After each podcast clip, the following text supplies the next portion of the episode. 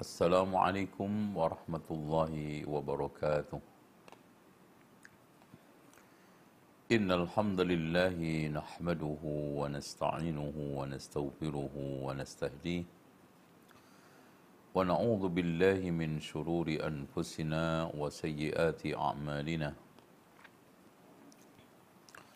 من يهده الله فلا مضل له ومن يضلل فلا هادي له. أشهد أن لا إله إلا الله وحده لا شريك له وأن محمدا عبده ورسوله. قال الله عز وجل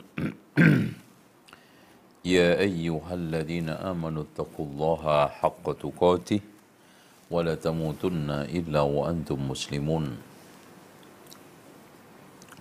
وقال تبارك وتعالى يا أيها الناس اتقوا ربكم الذي خلقكم من نفس واحدة وخلق منها زوجها وبث منهما رجالا كثيرا ونساء واتقوا الله الذي تساءلون به والأرحام إن الله كان عليكم رقيبا.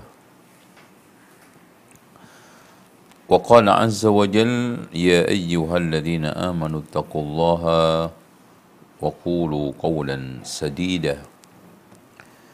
يصلح لكم أعمالكم ويغفر لكم ذنوبكم ومن يطع الله ورسوله فقد فاز فوزا عظيما. فإن خير الحديث كتاب الله وخير الهدي هدي محمد صلى الله عليه وسلم وشر الأمور محدثاتها وكل محدثة بدعة وكل بدعة ضلالة وكل ضلالة في النار إخواني وأخواتي في الله وبالخصوص saudari saudariku yang mengikuti kajian Kashfus Syubahat yang dari Hong Kong terutama dari para pengurus IMSA semoga Allah Subhanahu wa taala memberikan kebaikan keleluasaan keberkahan kehidupan terutama untuk mengumpulkan bekal keakhiratan kita. Tema yang kita angkat adalah kita mencintai Nabi Isa.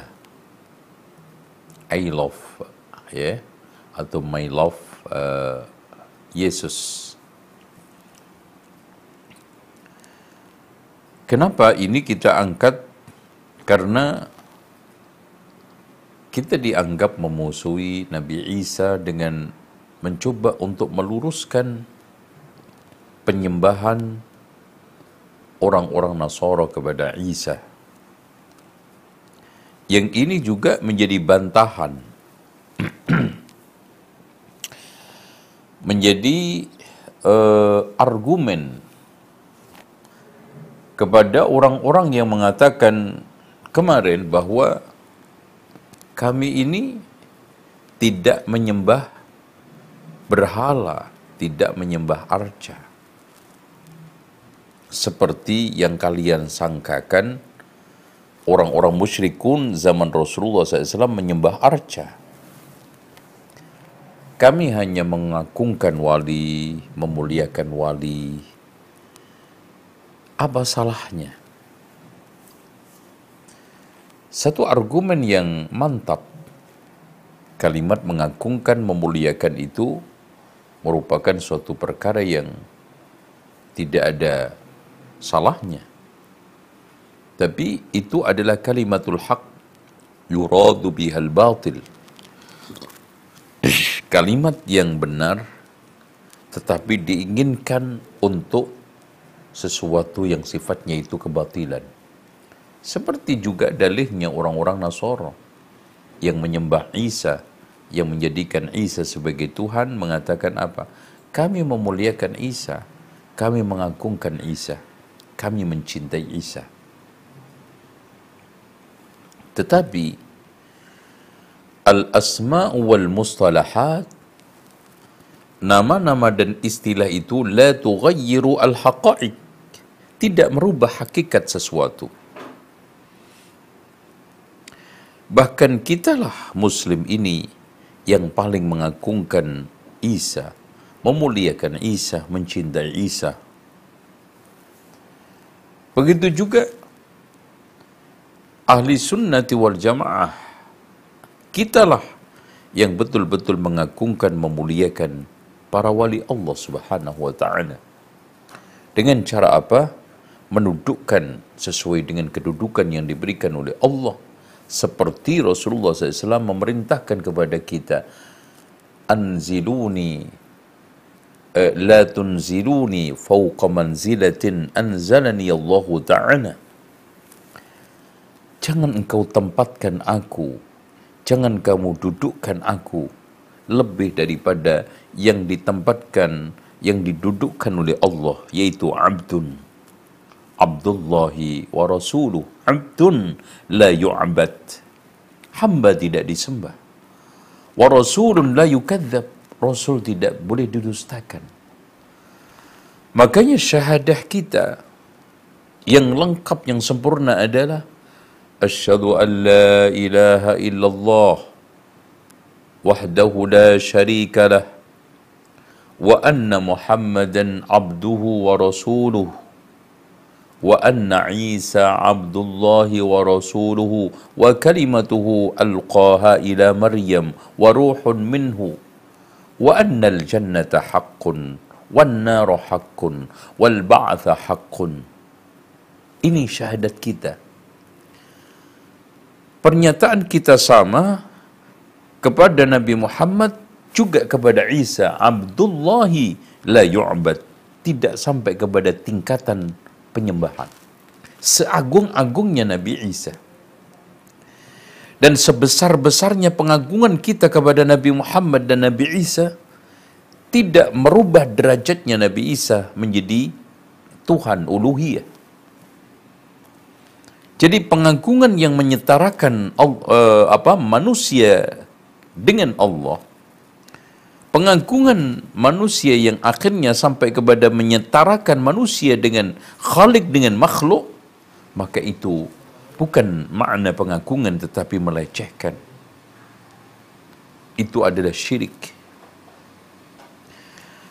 adapun sikap kita ya kepada Isa al-Mas ini al-Masih minimal ada beberapa ayat ya yang akan saya sampaikan adalah lima insyaallah. Bismillah.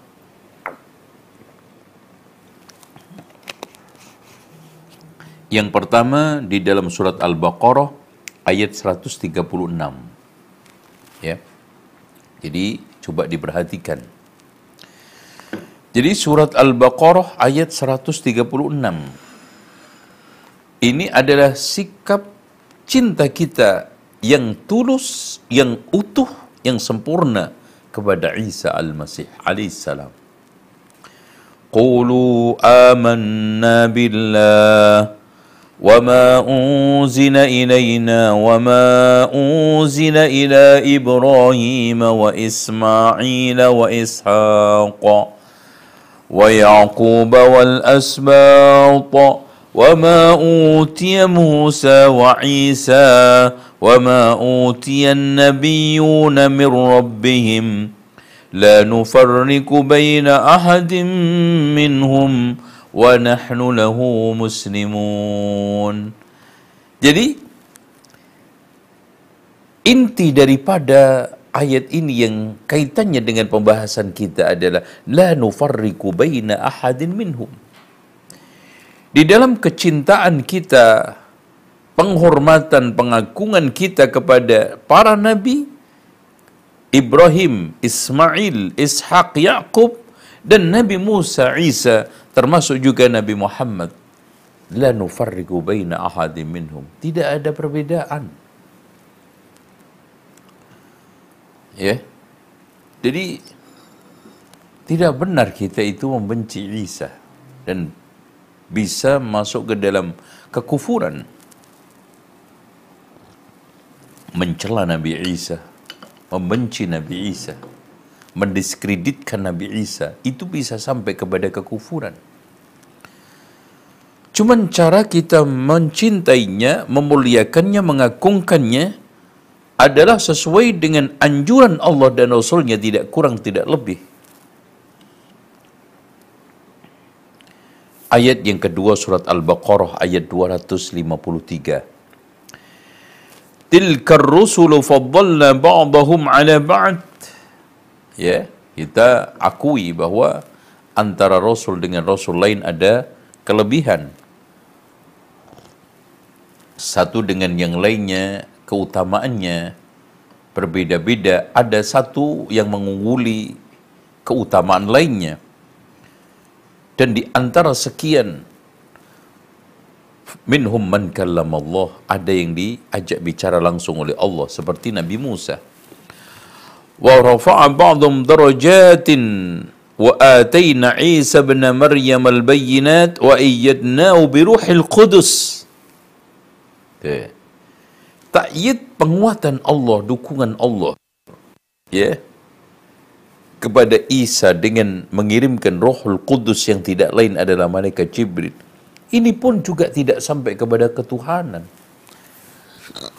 Ya. Makanya kalau kita lihat dialognya Ja'far dengan Raja Najasyi yang direkam api runut ya di dalam sirah nabawiyah ya seperti yang telah ditulis oleh Mubarak Furi, Safiuddin Mubarak Furi di dalam Ar-Rahikul Maktum dahsyat. Ya. Di mana penjelasan Ja'far bahwa Maryam dan Isa adalah manusia. Itulah yang membuat bacaan surat Maryam kepada Najasi akhirnya meneteskan air mata. Bahkan beliau mengatakan tidak ada perbedaan yang kamu ucapkan, yang kamu yakini dengan apa yang ucapkan, yakini tentang Isa.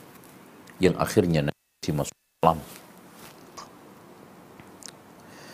Walau sya'allahu maqtatala alladhina min ba'dihim min ba'di ma ja'adhumul bayyinat. Walakin ikhtalafu wa man amana wa man kafar. Nah ini.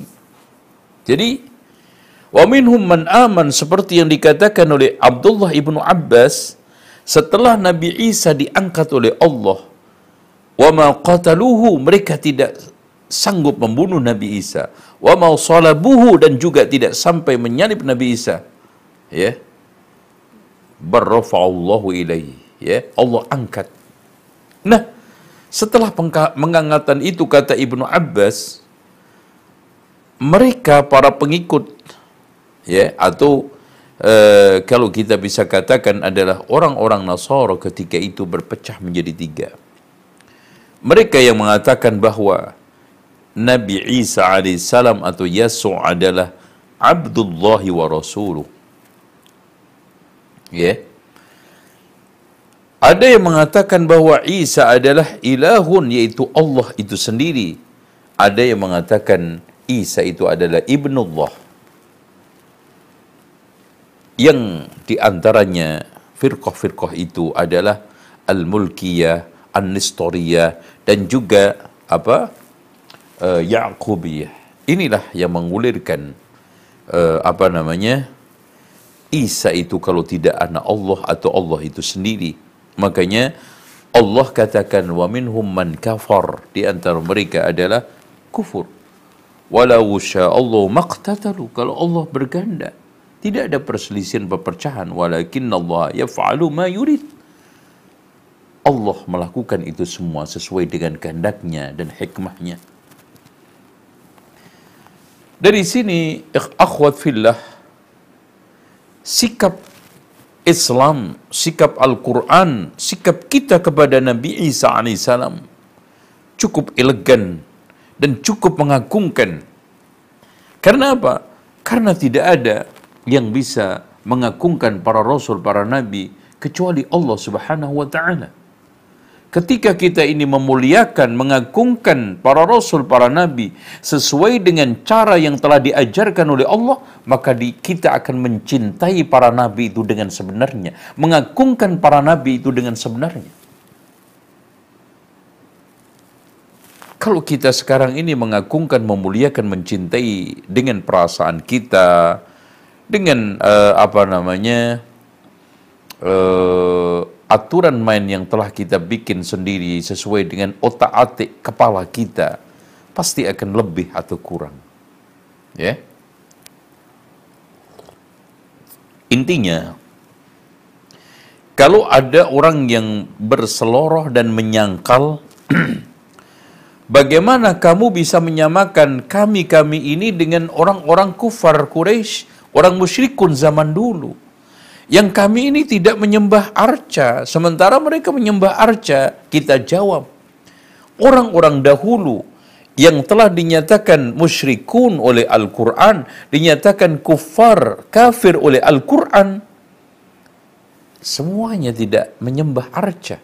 Ada yang menyembah malaikat, ada yang menyembah wali, ada yang menyembah nabi. Di antaranya adalah wa yad'u Isa bin Maryam wa ummahu mereka menyembah Isa dan ibunya. Makanya di sana ada firqah juga Maryamiyah. Yaitu mereka-mereka yang mentuhankan Maryam. Waqad qala Allah Ta'ala Allah berfirman dalam surat Al-Maidah ayat 75 sampai 76. Mal Masih ibn Maryam illa rasulun qad khalat min qablihi rusul. Masya Allah keyakinan yang mantap. Mal Masih ibn Maryam illa rasulun qad khanat min qabli rusul. Tidaklah Isa bin Maryam itu melainkan utusan Allah seperti utusan-utusan sebelumnya, seperti Yakub, seperti Ishak, seperti Ibrahim canggahnya. Enggak ada perbedaan. Kalau alasan Anda mentuhankan Isa karena bisa menghidupkan orang mati, Nabi I, Nabi Musa lebih hebat menghidupkan benda yang tidak pernah hidup bahwa bahkan mati selamanya yaitu apa tongkat. Kenapa Ki? kamu tidak menyembah Isa? Ini apa Musa? Kalau kamu sekarang kalian menyembah Isa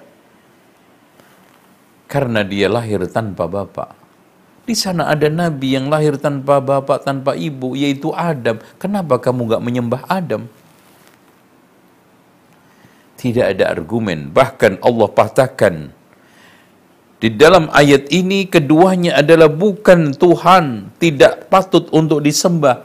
Wa ummuhu siddiqatun, ibunya adalah siddiqah ditafsiri oleh para ulama wa ummuhu siddiqatun. Siddiq adalah orang yang tidak pernah berbuat dosa eh, dusta selamanya. Tidak pernah berdusta sekecil apa pun. Nggak pernah. Itu siddiqah. Maka di sini juga disimbolkan oleh para ulama jumhur ulama bahwa Maryam itu bukan nabi tapi manusia biasa karena Allah mengatakan wa ummuhu siddiqatun tidak mengatakan wa ummuhu nabiyatun sebagaimana yang telah dinyatakan oleh Ibnu Hazm dan yang lainnya bahwa Maryam adalah nabi, Ummu Musa adalah nabi.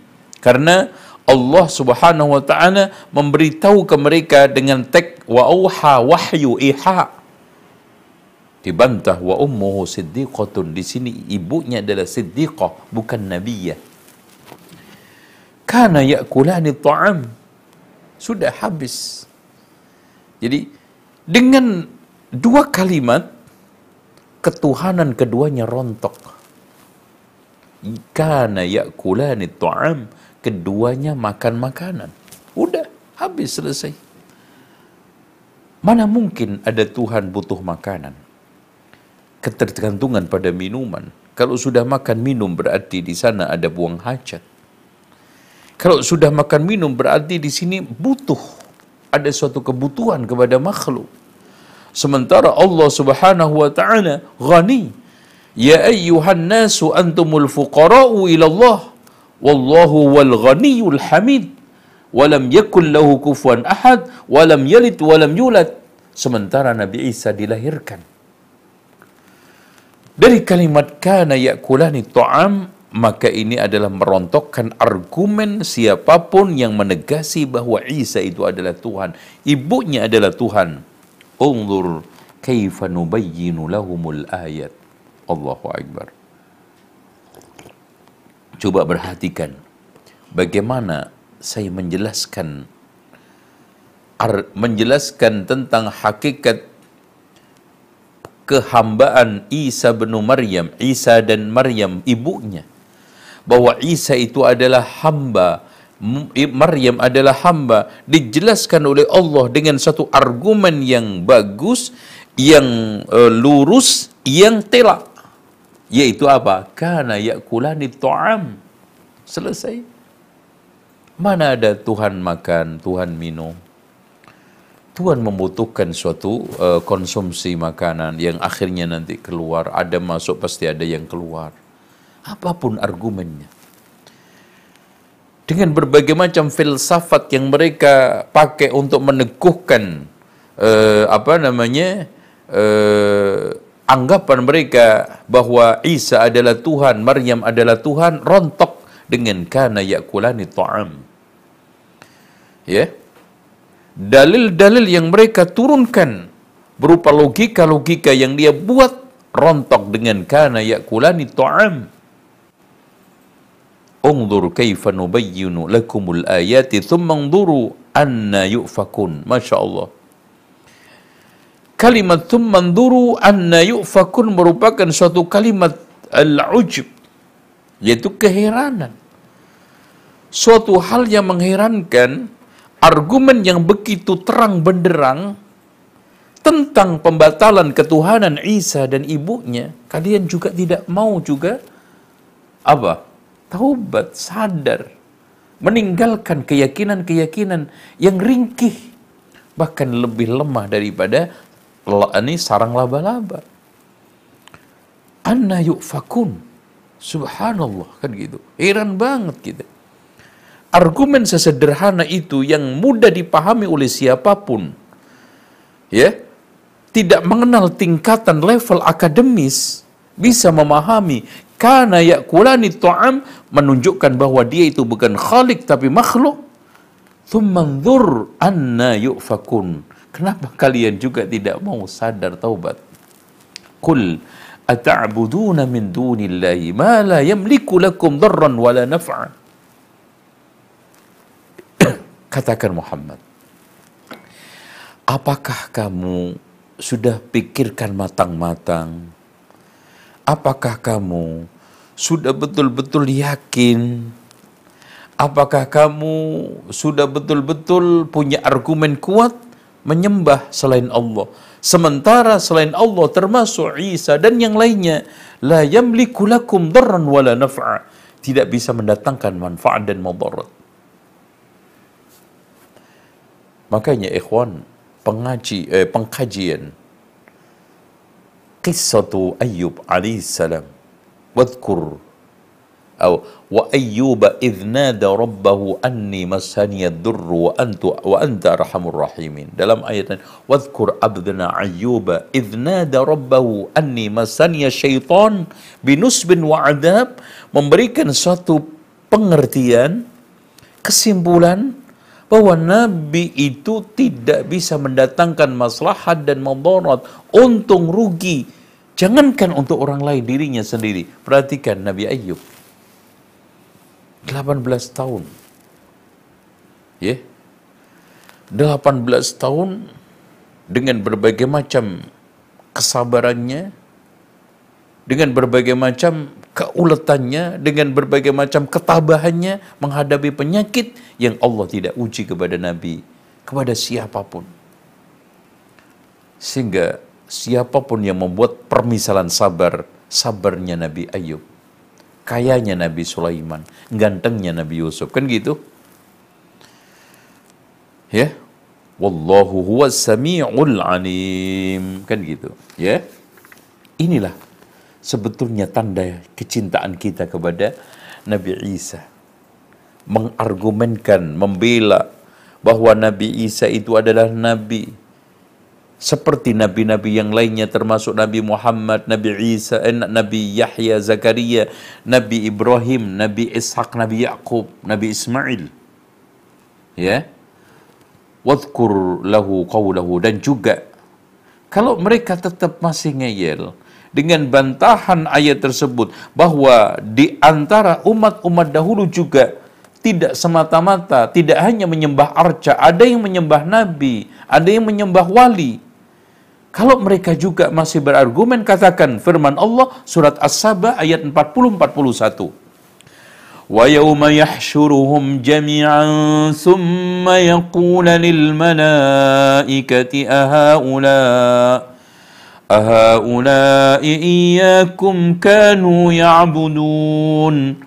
قالوا سبحانك أنت ولينا من دونهم بل كانوا يعبدون الجن أكثرهم بهم مؤمنون. ما شاء الله. Jadi ayat ini Allah subhanahu wa ta'ala ingin menegakkan hujah di hadapan orang-orang yang menyembah malaikat atau menyembah selain Allah.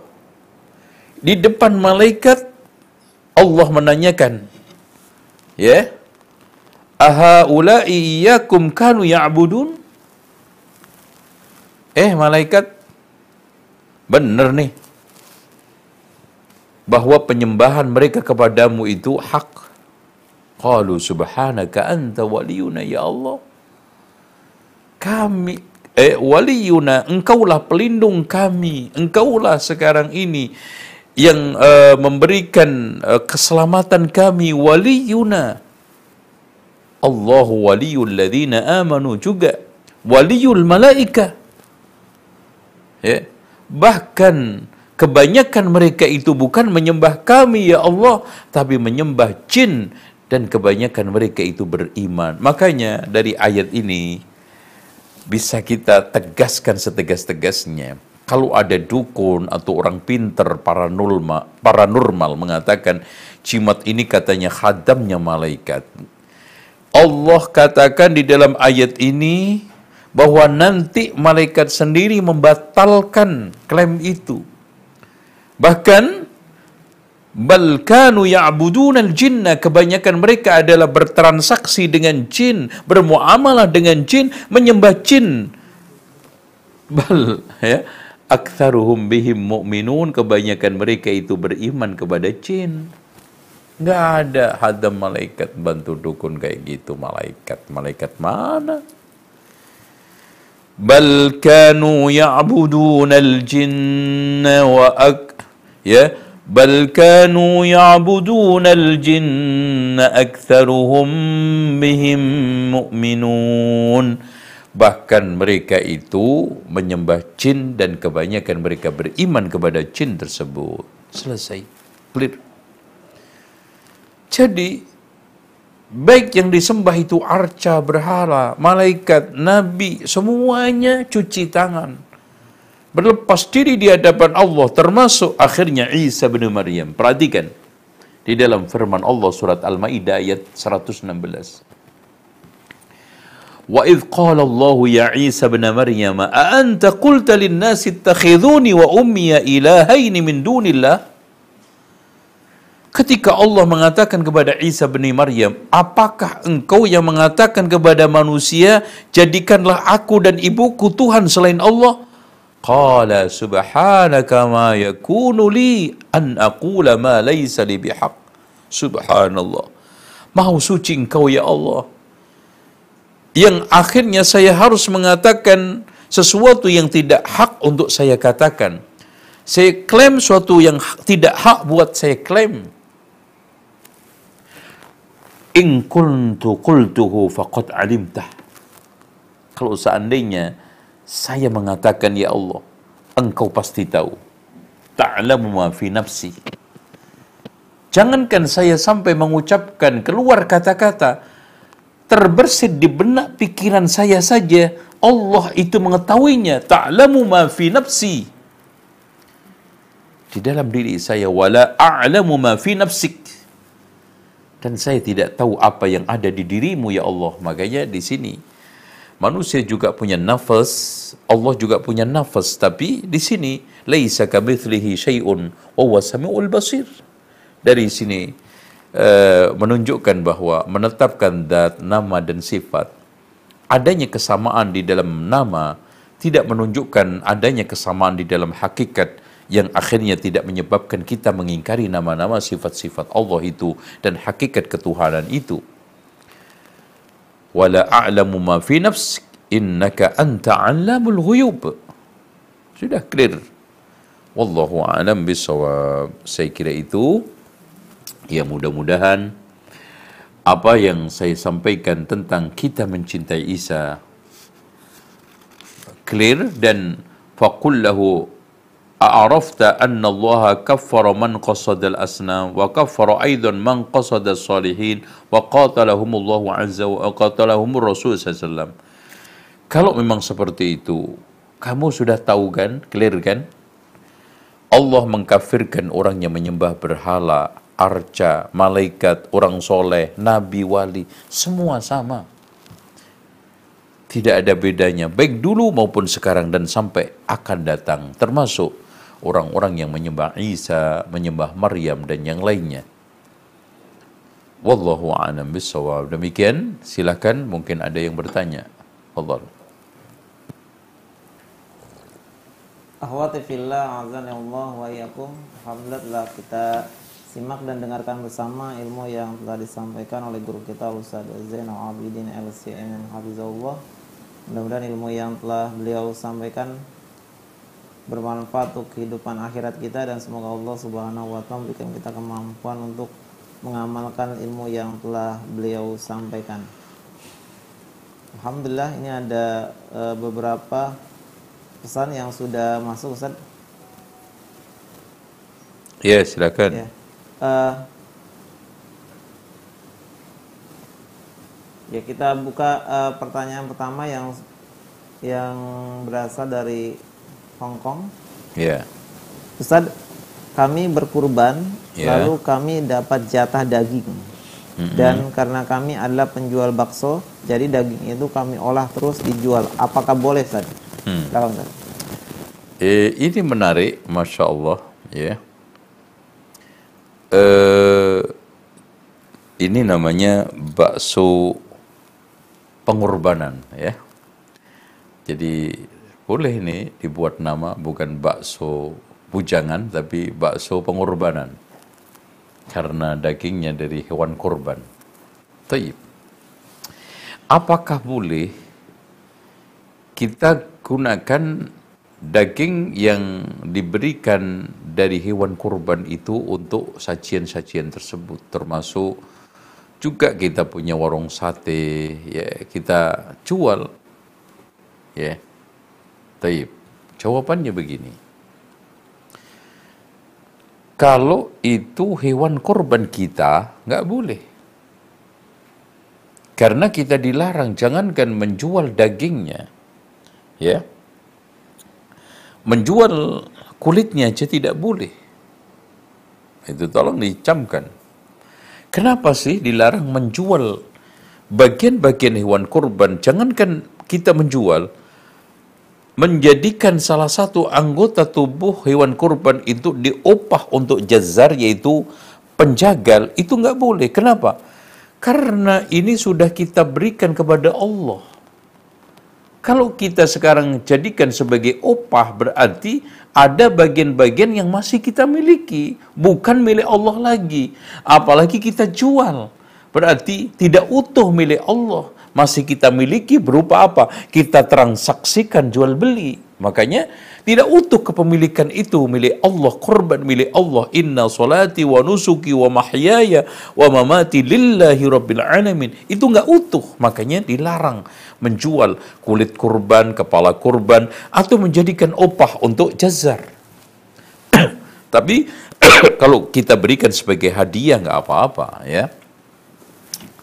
Nah, kalau sekarang hewan kur, uh, daging kurban itu kita dapatkan dari orang lain, Tolong diperhatikan dari orang lain. Kita dikasih, mungkin tetangga kita yang korban kita dikasih atau dari masjid. Boleh enggak? Boleh. Ya. Karena ini sudah hak milik kita. Ya.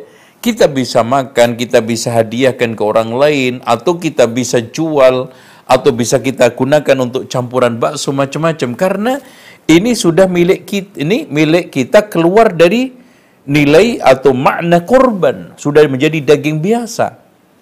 Jadi ketika sudah dihadiahkan kepada orang lain diterima dengan akad hadiah dengan akad sedekah maka akad itu merubah status daging tersebut. Oleh karena itu dibolehkan. Sama aja juga kita diberi zakat fitrah Kemudian zakat fitrah itu di tangan saya, saya masak, saya kasihkan ke anak saya atau kita hadiahkan. Bahkan eh, apa namanya saya jual karena masya Allah saya mendapatkan banyak. Nanti kalau disimpan semua juga kutun, maka dibolehkan gitu. Ini tolong di, dicermati perbedaan. Mana yang tidak boleh dijual dicampur daging bakso tadi, mana yang eh, yang boleh ya. Allahu a'lam. Barakallahu fiik Ustaz atas uh, jawaban yang sangat bermanfaat. Demikian jawaban penanya yang berasal dari Hong Kong. Mudah-mudahan dapat dipahami apa yang disampaikan Ustaz dan semoga bermanfaat. Ya, uh, kami buka kembali Ustaz pertanyaan yang selanjutnya, pertanyaan yeah. kedua. Hmm. Ana makan di restoran saat pesan menu kedua saat pesan menu kedua dengan harga dan jenis yang sama ternyata yang disajikan kualitasnya berbeda, bahkan dibilang e, agak basi. Bolehkah anak meminta ganti atau meminta balik uang kami Ustadz agar tidak ada korban selanjutnya anak mempublikasikan hal tersebut ke media sosial? Apakah ini termasuk amar ma'ruf nahi munkar atau justru anak berbuat zolim karena membuka aib dagang orang lain? Silakan Ustaz. Taib. Uh, Tolong diperhatikan bahwa al-bay'ani bil khiyar ya malam yatafarraqa terus kemudian khiyar itu ada macam-macam ada khiyar al-majlis selagi belum pisah ada khiyarul aib karena cacat. Ketika kita mendapatkan barang jual beli itu cacat maka kita boleh balikkan kalau makanan kan nggak boleh dibalikkan ya kita minta ganti uangnya karena seandainya ini bisa dibalikkan basi pun akan dibuang. Itu loh statusnya masalahnya. Makanya di sini kita balikkan. Nah, untuk menyiarkan di sosmed ya ikhwan ya akhwat fillah tolong ya jangan bermudah-mudah menyiarkan apa pun di sosmed. Karena Anda sadar tidak sosmed itu banyak tangan, banyak warna-warni pikiran, banyak orang-orang yang sekarang ini tidak semuanya bisa menangkap secara cerdas informasi yang kita sampaikan. Bahkan fitnah yang ditimbulkan akan lebih besar daripada maslahat. Dan ketika seorang muslim mendapati segala sesuatu, bahaya lebih besar daripada manfaat, tinggalkan. Kenapa kita dilarang untuk minum khamr? Wa ithmuhuma akbaru min naf'ihima. Meskipun khamr itu ada unsur kemanfaatannya, tapi dosanya, madaratnya, bahayanya itu lebih banyak, lebih besar daripada manfaatnya. Maka disuruh untuk meninggalkan. Begitu juga hal ini. Bahkan ini bisa masuk ke dalam pencemaran nama baik, mendoli dan yang lainnya. Dan tidak senilai, tidak sehat apa, tidak sepadan antara isu di sosmed dengan kesalahan yang dia lakukan. Yang mungkin dia tidak sengaja ya. Yang mungkin kalau seandainya sengaja dia itu merasa eman ya. Sayang kalau dibuang. Sementara permodalan ini ciut kecil dari pagi juga tidak laku. Dari pertimbangan-pertimbangan ini harus kita bangun khusnudon, baik sangka, Intinya transaksi syariat kita jalankan, kemudian kita bangun hubungan baik dan tidak mencoba untuk menjebloskan, mencemarkan berbagai macam apa namanya kuliran-kuliran sosmed yang akhirnya nanti merusak nama baik dirinya, bisnisnya dan yang lainnya. Itu aja ya. Tolong dihentikan. Karena Rasulullah Subhanahu wa taala berfirman, "Ya ayyuhalladzina amanu istanibu katsiran minadh-dhann." Ya, wala tajassasu juga dilarang. Ya. Bihasbi imri'in minasyarr ay yahqira akhahul muslim. Cukup seorang itu dikatakan berdosa ketika merendahkan, menjatuhkan, mencemarkan nama baik saudaranya muslim. Wallahu a'lam bishawab. Barakallahu fiik Ustaz atas jawabannya. Eh, demikian jawaban penanya yang bertanya melalui pesan singkat. Mudah-mudahan dapat dipahami apa yang disampaikan oleh Ustaz. Ya. Ya, kita buka kembali Ustaz pertanyaan yang ketiga. Ya. Ana belum menikah. Orang tuana sudah berpisah dan memiliki keluarga masing-masing. Jika Ana berkurban satu kambing atas nama keluarga, keluarga Ana, siapakah yang tidak boleh potong kuku Ustaz? Ana, bapak atau ibu? Dan di mana sebaik sebaiknya kambing disembelih? Di tempat bapak, ibu atau di mana saja sesuai kehendak Ana? Nah, Ustaz. Tolong diperhatikan bahwa ketika sekarang keluarga yang memang anjuran Abu Ayyub Al-Ansari di mana kunna fi ahdi Rasulillah sallallahu alaihi wasallam nudhi udhiyatan an kulli ahli baitin wa yakuluna wa yut'imun kami dulu di zaman Rasulullah SAW menyembelih satu kurban untuk satu keluarga masing-masing. Dimakan, di, dikasih makan orang lain. Falamma tabahan nasu fa tara. Setelah orang bangga-banggaan, maka kamu perhatikan sekarang yang terjadi masing-masing orang satu-satu. Nah, ketika kita berbicara masalah keluarga, maka yang atas namanya adalah kepalanya. Yang otomatis di sini kak, ini apa? ayahnya. Oleh karena itu di sini kondisi mencar-mencar, maka sekarang otoritas utama ukhti berikan kepada ibu, eh kepada maaf bapak. Berarti di sini nanti yang tidak potong rambut, potong kuku, cup, cukup yang atas nama yaitu bapak.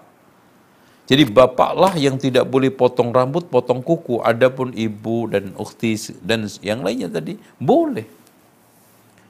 Ya, dan ketika berkorban Allahumma Bismillah Allahu Akbar Allahumma hadi anni wa an ahli baiti Ya Allah kurban ini atas nama saya dan saya tujukan untuk keluarga saya Insya Allah caranya seperti itu ya Wallahu a'lam. Jazakallah khairan Ustaz atas jawabannya. Kita buka kembali Ustaz pertanyaan yang selanjutnya. Ya, silakan. Sampai batas mana umat Islam harus mencintai Nabi Isa alaihissalam Ustaz? Ustaz. Sampai batas yang telah diperintahkan oleh Allah. Caranya bagaimana yang diperintahkan Allah? Dudukkan Isa itu menjadi abdun. Makanya kita katakan dengan tegas wa asyhadu anna Isa abdullahi wa rasuluh. Sebagai seorang utusan membawa risalah, kitabnya adalah Injil. Kita yakini bahwa Injil yang Allah turunkan kepada Nabi Isa itu hak, benar. Namun setelahnya terjadi penyimpangan-penyimpangan yang dilakukan oleh pengikutnya setelahnya sehingga keasliannya sudah tidak ada. Itu aja yang perlu kita yakini. Dan setelah diutusnya Nabi Muhammad SAW, kita hanya kewajibannya membenarkan bahwa Isa itu adalah Nabi, Rasulullah, Abdullahi wa Rasuluhu. Risalah yang turun adalah hak kepada Isa dan kebenaran risalah Nabi Isa itu berlaku pada zaman Nabi Isa diutus oleh Allah Subhanahu wa taala. Tapi setelah Nabi Muhammad diutus, maka seluruh risalah itu ditutup dengan penutupan Nabi yaitu wa ini maka Muhammadun aba ahadim berrijalikum walakin Rasulullah wa khataman nabiyyin dan Rasulullah SAW juga tegaskan walladhi nafsu Muhammadin biyadi ma yasma'u bi ahadun min hadhil ummah yahudiyyun wala nasraniyyun thumma yamutu yu'min billadhi ursiltu bi illa kana min ashabin nar. Demi zat yang jiwaku ada di tangannya tidaklah ada seorang dari umatku ini baik Yahudi Nasrani mendengarkan risalahku ini kemudian meninggal dunia tidak beriman kepadanya maka dia meninggal termasuk ashabun nar. Itu cara kita mencintai Isa. Mengatakan dengan tegas bahwa saya mencintai Nabi Isa alaihissalam sebagai seorang nabi dan rasul yang diutus oleh Allah Abdullahi wa Rasul membawa Injil yang diwajibkan untuk menyiarkan kepada umatnya. Kemudian setelah ditutup oleh Nabi Muhammad, maka risalah yang hak, yang wajib saya ikuti, saya amalkan adalah risalah Nabi Muhammad SAW. Karena dengan diutusnya Rasulullah diturunkan Al-Quran menjadi penutup risalah Nabi-Nabi sebelumnya termasuk Nabi Isa. Dengan demikian, risalahnya Nabi Isa itu benar, pada masanya, pada saat diberlakukannya. Setelah ditutup, maka kebenaran berpindah kepada Nabi Muhammad SAW. Makanya inna dina indallahil Islam, yaitu Islamnya Nabi Muhammad Sallallahu Alaihi Wasallam. Makanya Rasulullah SAW ketika membicarakan masalah risalah nubuah dan para nabi itu mengumpamakan seperti bangunan sudah tuntas semua diselesaikan tinggal satu bata kata Rasulullah akulah satu bata itu. Artinya begini, ketika ada suatu bangunan besar dibangun, dengan beberapa insinyur, ya satu meninggal, pindah lagi, pindah lagi, pindah lagi, sampai Nabi Muhammad SAW selesailah bangunan itu, indah, bagus, kokoh, elok. Yang menjadi pertanyaan, pemilik bangunan itu akan meminta pertanggungjawaban kepada insinyur yang pertama, kedua, atau yang terakhir. Logikanya adalah yang terakhir, yang bertanggung jawab di hadapan Allah nanti. Makanya semua nabi itu nanti akan menjadi saksi kebenaran risalah Rasulullah SAW. Wajibna bika ala haulai syahidah yang akhirnya Allah datangkan Nabi Muhammad sallallahu alaihi wasallam untuk menjadi saksi mereka-mereka itu semua. Wajib Nabi ka ala haula'i syahida. Bahwa tidak ada Islam yang hak setelah diutusnya Rasulullah SAW ila yaumil qiyamah kecuali Islamnya Rasulullah Sallallahu Alaihi Wasallam. Itulah yang disebut submission, ya, jalan untuk menuju surga itu hanyalah satu yaitu Islam. Inna dina indallahil Islam wa may yabtaghi ghairal islami dinan falyuqbala minhu wa huwa fil akhirati minal khasirin. Itu sudah clear. Wallahu a'lam bisawab. Jazakallah khairan Ustaz atas jawabannya.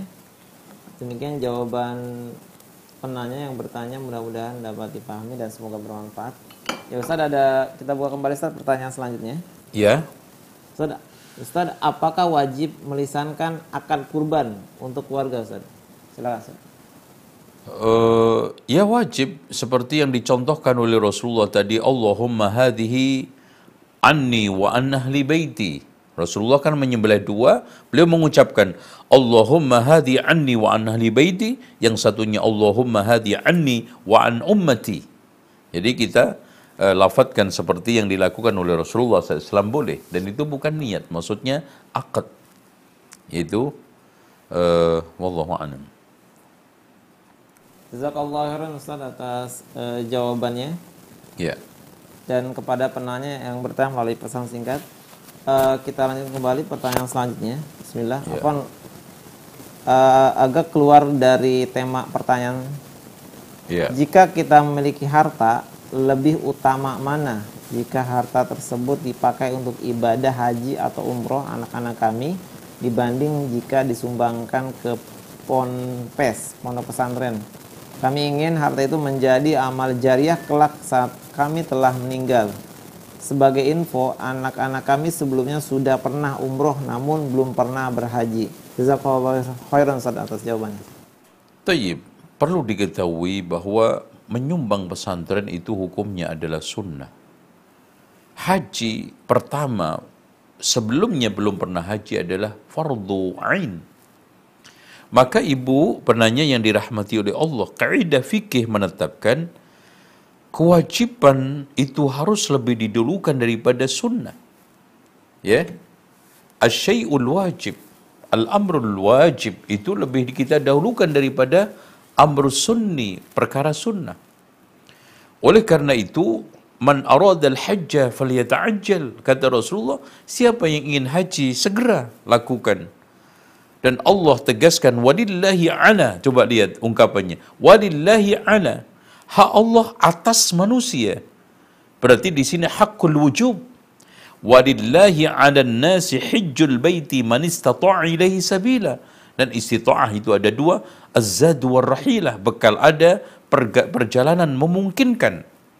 Dengan demikian orang tersebut wajib melakukan haji dan segera. Man aradal hajja falyata'ajjal. Oleh karena itu ibu bayarkan haji dulu tunaikan haji dulu. Baru kalau ada sisanya insya Allah untuk pesantren untuk yatim piatu untuk sabilillah uh, dan itu insya Allah menjadi jariah dan keuntungan kita nanti di akhirat wallahu a'lam wallahu a'lam Silakan. Nah, barakallahu fiik Ustaz atas jawabannya dan kepada penanya mudah-mudahan dapat dipahami apa yang disampaikan Ustaz dan semoga bermanfaat. Ya Ustaz kita buka kembali Ustaz pertanyaan selanjutnya. Ya, silakan. Apakah boleh berniat puasa Senin dan Kamis dengan niat jika orang tuanya sembuh dari sakit? Silakan Ustaz. Tayyib, ini uh, berarti nazar dan Tolong diperhatikan, nazar itu akan berubah menjadi wajib. Karena nazar itu mewajibkan suatu perkara yang tidak wajib, bisa mubah, bisa sunnah. Contoh kalau anak saya sembuh dari sakit, maka saya akan iktikaf seminggu di masjid ini. Kalau sekarang anak saya nanti diterima di perguruan tinggi, di Akpol atau Akabri, ya, dan yang lainnya, saya akan uh, apa namanya puasa Senin Kemis selama tiga bulan. Maka di sini harus kita tunaikan. Yufuna bin nadri wa yakhafuna yawman kana syarruhu mustatira. Ya, mereka memenuhi nazar-nazar, mereka takut di hari nanti. Ya, siksaannya itu berat. Tapi tolong diperhatikan Bapak Ibu sekalian. Tolong jangan gampang-gampang bernazar karena kata Rasulullah sallallahu alaihi wasallam, "Innahu la ya'ti bi khairin wa innama yustakhraju bihi minal bakhil." Nazar itu tidak mendatangkan kebaikan akan tetapi hanya dikeluarkan dari orang bakhil. Maka kalau ingin berbuat baik silahkan tanpa harus nunggu entar nanti. Kalau suami saya sembuh dari sakitnya, kalau anak saya diterima kerjaan, kalau sekarang urusan ini selesai ini, kita Bahkan kita infak, kita sodako berbuat baik tanpa embel-embel. Dengan itu insya Allah akan menjadi sarana kita mendapatkan jalan keluar. Itulah bagian dari makna wa mayyattaqillaha di antara sekian konsekuensi takwa adalah zakat, infak, sodako, puasa, haji, umroh termasuk puasa Senin Kemis. Wa may yattaqillaha yaj'al lahu makhraja wa yarzuqhu min haitsu la yahtasib. Intinya takwa itu menjaga diri dari api neraka dengan melaksanakan perintah Allah menjauhi larangannya, maka Allah akan berikan jalan keluar dari seluruh kesulitan yang dihadapi dan Allah berikan rezeki tanpa disangka-sangka biidznillah. Wallahu a'lam bisawab. Silakan. Barakallahu fiik atas uh, jawabannya dan kepada penanya yang bertanya melalui pesan singkat. Ya kita lanjutkan kembali Ustaz uh, pertanyaan selanjutnya. Iya. Yeah. Dari Muhammad Imam Robani, Sukabumi, Jawa Barat. Iya. Assalamualaikum yeah. warahmatullahi wabarakatuh Ustaz. Waalaikumsalam warahmatullahi wabarakatuh. Izin bertanya. Iya. Yeah. Apakah termasuk kesyirikan jika seseorang mengatakan aku tidak bisa hidup tenang tanpamu kepada orang yang dicintainya. Jazakallahu khairan pertanyaan. Iya, ini adalah syirkul mahabbah. Ya, ini adalah syirik itu ada lima. Ada syirkul doa, yaitu syirik yang berdoa kepada selain Allah. Ada syirkul ibadah, yaitu beribadah kepada selain Allah. Ada syirkul ta'ah yang mentaati makhluk di dalam rangka menghalalkan, mengharamkan Apa yang dihalalkan Allah, diharamkan, yang diharamkan dihalalkan. Nah, yang keempatnya adalah syirkul iradah dan yang kelima syirkul mahabbah yaitu mencintai Allah di atas segala-galanya, mencintai selain Allah di atas mencintai Allah. Ya. Dan ini uh, termasuk uh, apa namanya syirik uh, di dalam masalah uh, ketergantungan ibadah juga karena dia menyangka kalau dia tidak ada, pokoknya tanpamu saya tidak akan hidup, tanpamu saya tidak akan bisa bahagia, tanpamu. Berarti di sini menafikan Allah Subhanahu wa taala, masuk ke dalam syirkul khafi. Dan tolong dicamkan syirkul khafi itu bisa besar, bisa kecil. Ya. Kalau sekarang ketergantungan itu hilang sama sekali hanya kepada si fulan atau makhluk tersebut, maka masuk ke dalam syirkul akbar. Siapa yang mengatakan gara-gara covid saya mati? Ini khafi, syirik khafi. Gara-gara obat ini saya bisa sembuh dan hidup.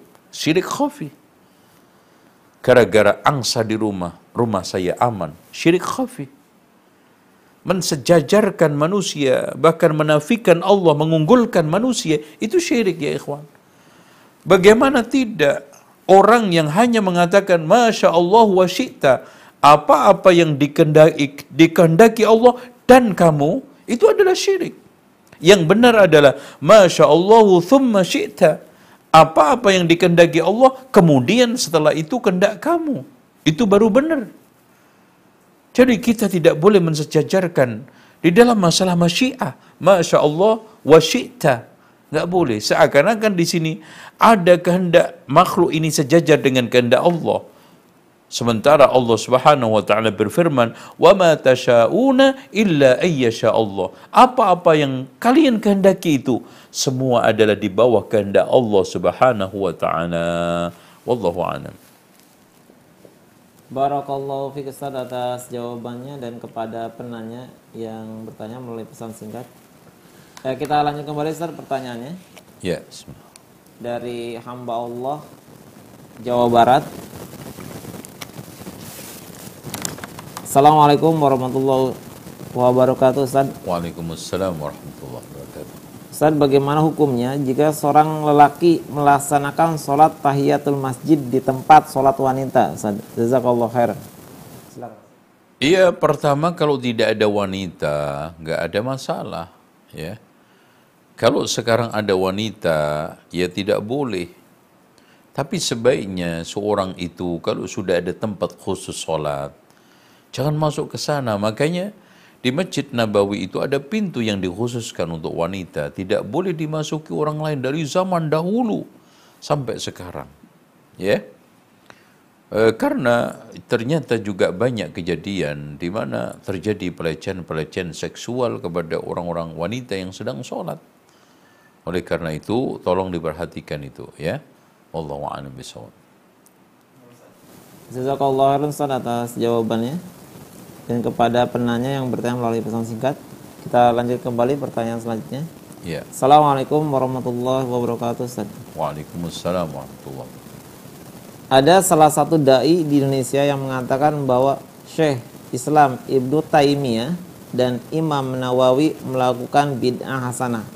Sukron zazilan atas jawabannya Ustaz. Silakan Ustaz. Taib. Orang yang mengatakan ini orang yang tidak mengerti bid'ah hasanah. Dan bahkan tidak mengerti perbedaan antara bid'atun hasanatun wa bid'atun sayyi'atun. Perlu diketahui ya ikhwan, istilah bid'ah itu ada dua, sayyi'atun hasanatun. Itu terjadi pada era jauh dari salafun salih jauh dari zaman Rasulullah SAW di dalam atau di zaman Rasulullah Sallallahu Alaihi Wasallam bid'ah itu hanya satu. Wa iyyakum wa muhdatsatil umur fa inna kulla muhdatsatin bid'ah kulla bid'atin dalalah fa inna kulla dalalatin finnar. Selesai. tanpa adanya satu embel-embel apa pun bid'ah itu semuanya adalah dalalah dan tidak tanggung-tanggung Rasulullah memberikan satu penekanan kul memberikan makna umum tanpa pengecualian kalau ada orang yang mengatakan bahwa di sana ada bid'ah-bid'ah yang dikecualikan. Maka yang menjadi pertanyaan begini. Kalau sekarang Rasulullah menghadirkan satu teks umum, kemudian di dalam riwayat-riwayat itu tidak ada pengecualian umpamanya, semua bid'ah itu adalah sesat kecuali yang ini, yang ini, yang ini. Kita tidak temukan. Maka kita kembalikan teks itu kepada umumnya, kullu, ya. Sementara kita tidak temukan nas yang khas, yang menerangkan, mengkhususkan bahwa ada di sana beberapa bid'ah yang tidak mungkaroh. Kan gitu, itu satu. Makanya Imam Ash-Shatibi menegaskan, ketika sekarang ada satu nas yang am, kullu bid'atin dolalah, kemudian setelah itu tidak ada nas-nas berikutnya atau yang lainnya yang mengecualikan, maka kaidah menetapkan kita dudukkan yang umum itu pada umumnya ya. Bahwa di sini artinya semua bid'ah itu sesat tanpa ada pengecualian.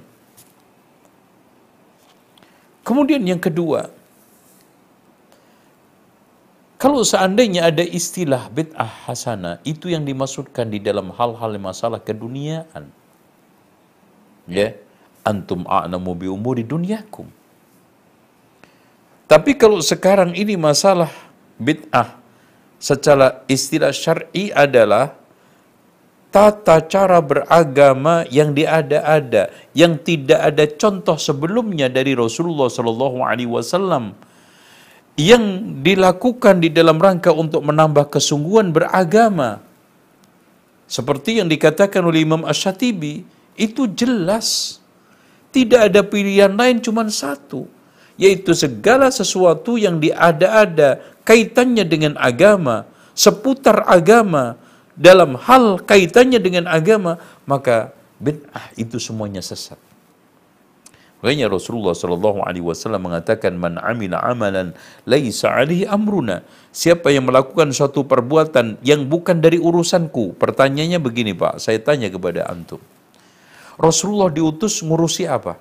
Ngurusi dunia, ngurusi bulldozer, ngurusi mobil, ngurusi mic, ngurusi macam-macam itu yang dikatakan kalau memang ini bid'ah, kenapa Anda pakai mic, pakai speaker, pakai telepon, pakai ini? Rasulullah itu diutus ngurusin syariat, ngurusin agama, bukan ngurusin uh, telepon ini selular, bukan ngurusi mic, bukan ngurusi macam-macam yang mereka contohkan itu. Rasulullah Shallallahu Alaihi Wasallam diutus untuk ngurusi agama. Makanya yang dimaksudkan melakukan suatu perkara baru dalam urusan Rasulullah adalah umur syariah seperti yang ditegaskan oleh Imam Ibnu Rajab di dalam Jami'ul Ulum wal Hikam. Oke. Okay.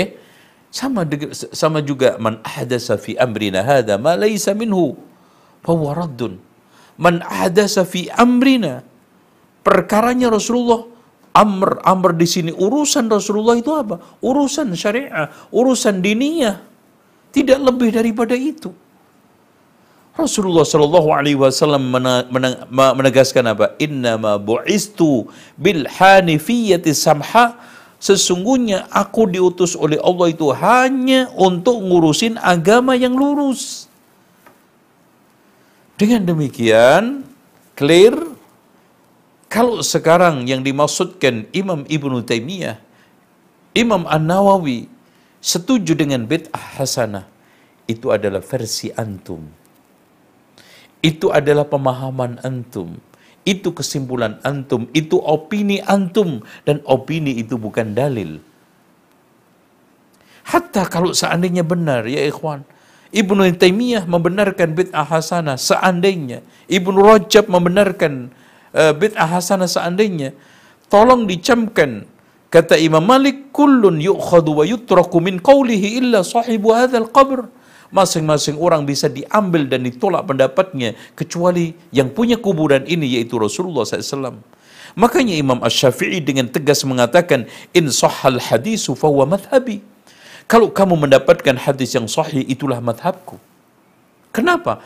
Karena selain Rasulullah Wasallam termasuk Abu Bakar, Umar, Utsman, Ali, Abu Hanifah, Malik, Syafi'i, Ahmad, termasuk Ibnu Taimiyah dan Imam Nawawi, semuanya berpotensi benar dan punya potensi salah juga. Sebagaimana dia mengandung potensi benar, juga mengandung salah. Intinya, nggak ada yang benar tanpa salah, nggak ada yang salah tanpa benar. Makanya Rasulullah mengatakan apa? Idza hakimu fa asaba falahu ajrun wa in wa in ijtahada. Berarti di sini ada potensi ulama itu bisa salah. Jika ada seorang hakim ulama istihad benar mendapatkan dua pahala, bila istihad salah mendapatkan satu pahala, memberikan makna secara implisit apa? Ulama itu punya potensi salah. Makanya kita intinya tidak ada orang yang benar tanpa mengandung kesalahan. Dan tidak ada orang yang salah tanpa mengandung kebenaran. Akhirnya kita ukur kan gitu. Makanya Ali bin Abi Thalib menganjurkan kepada kita apa? A'rifil haqqa ta'rif ahlahu. Kenalilah kebenaran, kamu akan kenal siapa yang benar. Alias kita kenali dasar-dasar kebenaran, kita pelajari prinsip-prinsip kebenaran, maka dari situ kita punya standar untuk mengukur orang siapa yang benar, siapa yang salah. Dengan apa? Dengan dalil, dengan Al-Quran dan Sunnah. Makanya pegang teguhlah Sunnah, Al-Quran, sehingga kita akan tidak tersesat selamanya. Sehingga Rasulullah SAW mengatakan, Taraktu fikum amraini intamasaktum bihima lantadillu ba'di kitabullah wa sunnati. Aku telah tinggalkan di tengah kalian dua perkara yang bila kalian berpegang teguh dengan dua perkara itu tidak akan sesat selamanya. Kitabullah wa sunnati. Dan Rasulullah juga mengatakan dalam hadis yang sangat bagus sekali. Taraktukum alal mithlil bayda. Coba perhatikan Masya Allah. Taraktukum alal mithlil bayda. Aku tinggalkan kalian di atas ajaran yang bening, putih, bersih. Allahu Akbar. Lailuha kanahariya. Malamnya seperti siangnya. Artinya, al-halalu bayyinun wal haramu bayyinun. Terang benderang. Syirik terang. Sehingga mudah untuk kita tinggalkan. Tauhid terang. Mudah untuk kita yakini. Iman itu terang untuk kita jadikan sebagai pijakan. Kufur itu terang untuk kita hindari dan kita musuhi. Bid'ah itu terang, gamblang ya ikhwan. Untuk kita tinggalkan, untuk kita barok berlepas diri. Sunnah juga gamblang terang. Begitu juga taat maksiat. Makanya kata Imam Ibn Qayyim, seorang akan bahagia bila me bisa memilah tiga perkara. Bedanya tauhid dengan syirik, iman dengan kufur, taat dengan maksiat, bahkan bedanya sunnah dengan bid'ah. Wallahu a'lam bisawab. Demikian.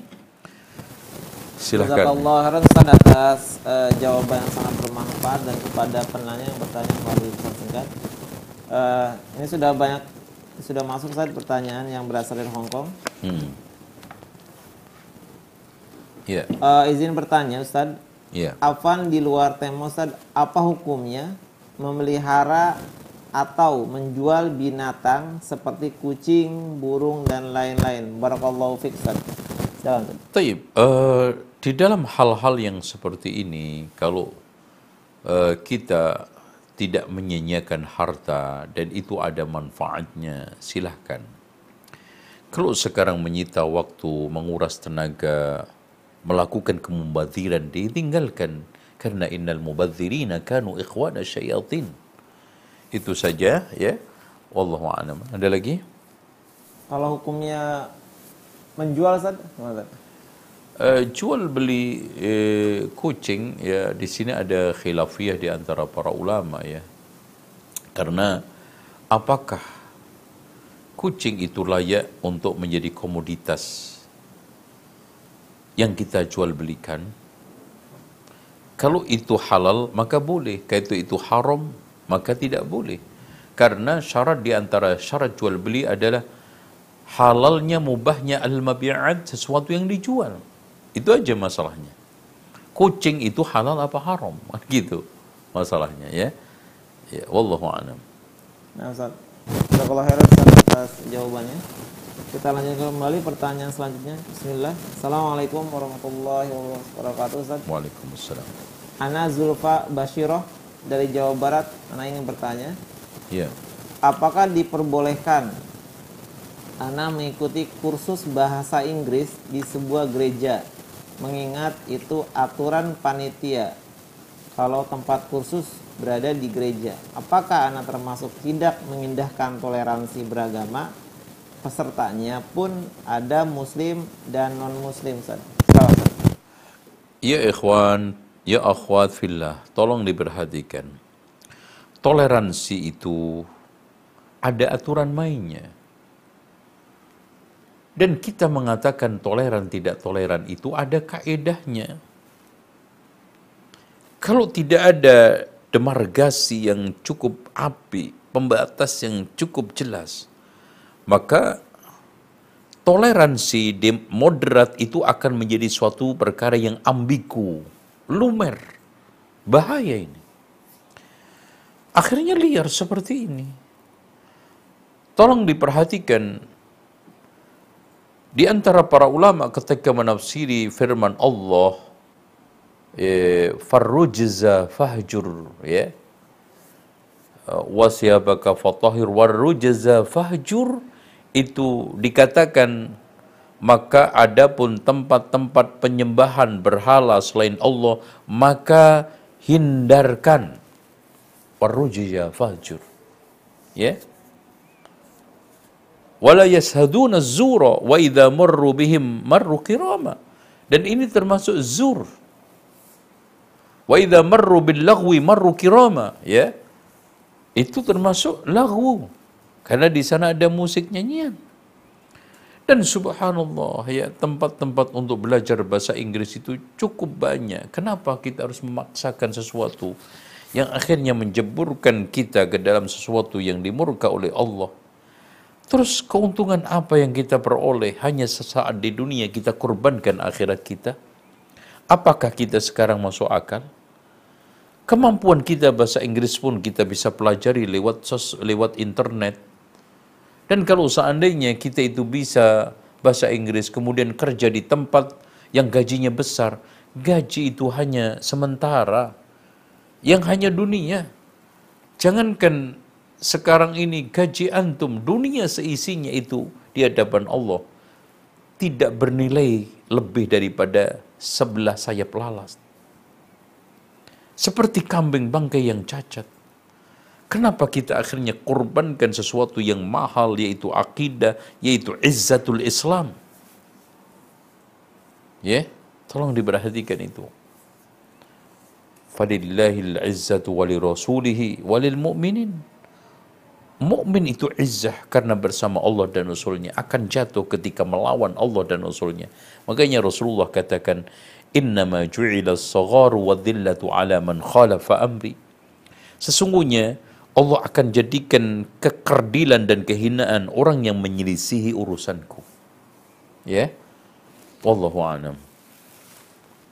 Jazakallah khairan Ustaz atas jawabannya dan kepada penanya yang berasal dari Hong Kong mudah-mudahan dapat dipahami apa yang disampaikan Ustaz dan semoga bermanfaat. Ya kita buka kembali Ustaz pertanyaan selanjutnya. Ya. Izin bertanya lagi Ustaz. Eh, kemarin eh, bertanya ke Ana Ustaz katanya mengapa kita tidak boleh mengaji di kuburan kan sama saja kita mengaji di bis Ustaz. Mohon dalilnya Ustadz untuk menjelaskan ke teman anak. Jazakallah khairan Ustadz. Iya, ini orang mengiranya base ya, tempat lapangan, alun-alun itu sama dengan kuburan.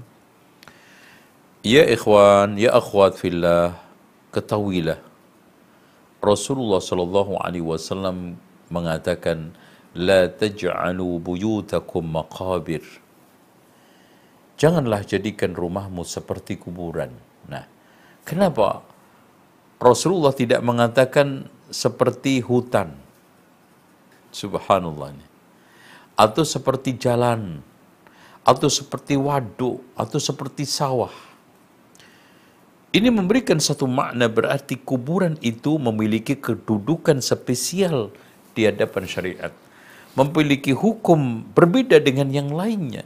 Sehingga kita tidak bisa mengkiaskan, menyamakan, kan sama aja seperti saya ngaji di sawah, ngaji di lapangan, ngaji, ngaji di jalan, ngaji di bus, tidak. La taj'alu buyutakum maqabir. Dengan demikian, sepanjang sejarah. Dan juga berdasarkan dalil-dalil yang ada dalam Al-Quran dan Sunnah, tidak ada perintah satupun untuk perintah ibadah di atas kuburan kecuali empat. Selain itu nggak ada. Cek aja. Yang pertama mengucapkan assalam, assalamualaikum ya ahlad diyar minal mu'minina wal muslimin wa inna insyaallah bikum lahikun. Itu satu. Kemudian yang kedua mendoakan mayit.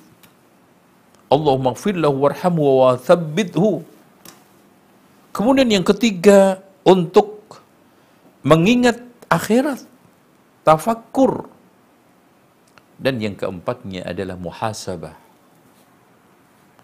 ya bisa dengan cara memberikan satu uh, tausiah yang setelah mengkubur itu.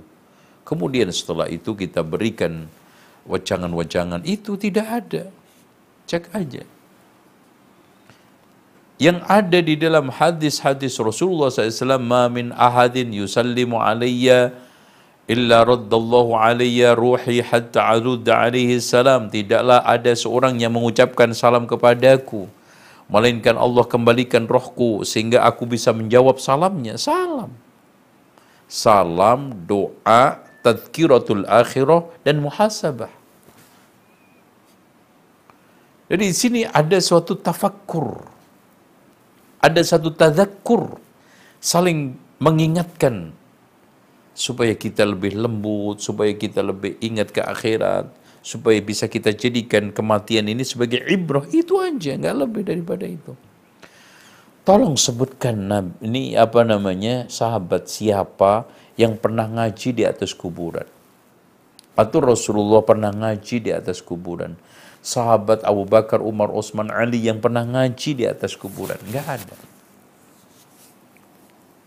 Itu saja. Sementara kita dianjurkan oleh Rasulullah alaikum bisunnati berpegang teguhlah terhadap cara beragamaku, sunnahku. Wa sunnatil khulafair rasyidin.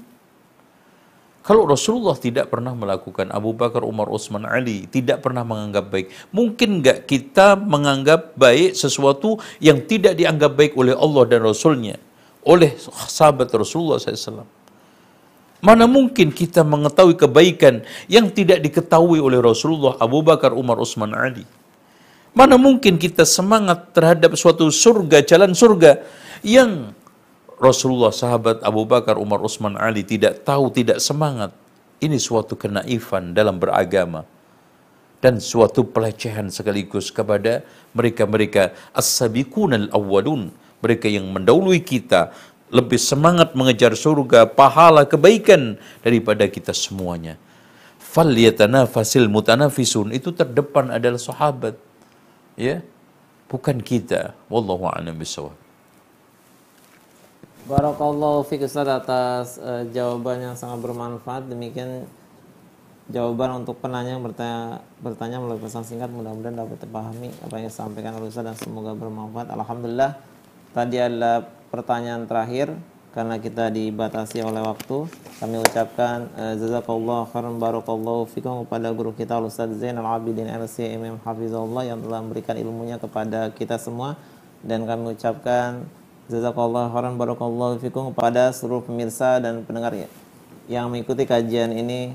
Kami beri kesempatan kepada guru kita Ustaz Zainal Abidin LC MM Hafizullah untuk memberikan kesimpulan kajian pada uh, siang hari ini. Silakan Ustaz.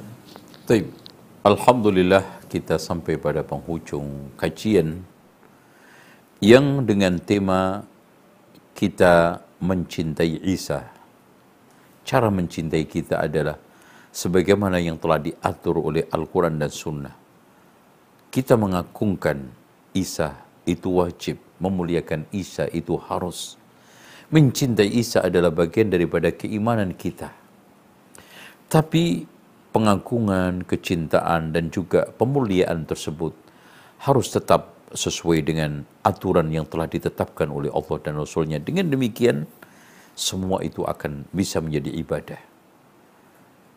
Intinya seperti yang dikatakan oleh Rasulullah, La tanziluni fauqa manzilatin anzalani Allah Ta'ala jangan kamu dudukkan, tempatkan aku pada satu kedudukan yang di atas Allah dudukkan aku. Wa innama ana abdun, aku adalah hamba cukup. Kehambaan itulah kelar dan tingkatan tertinggi yang dicintai oleh Rasulullah SAW. Bahkan ubudiyah itulah gelar yang tertinggi didapat Rasulullah setelah Isra Mi'raj. Salat sampai bengkak. Bahkan Nabi Nuh alaihissalam dakwah hampir 950 tahun mendapatkan gelar apa? Innahu kana abdan syakura. Wallahu a'lam bisawab. Demikian wa sallallahu ala Muhammadin wa ala ali Muhammad walhamdulillahi rabbil alamin. Subhanakallahumma wa bihamdika asyhadu an la ilaha illa anta astaghfiruka wa atubu ilaik. Wassalamualaikum warahmatullahi wabarakatuh.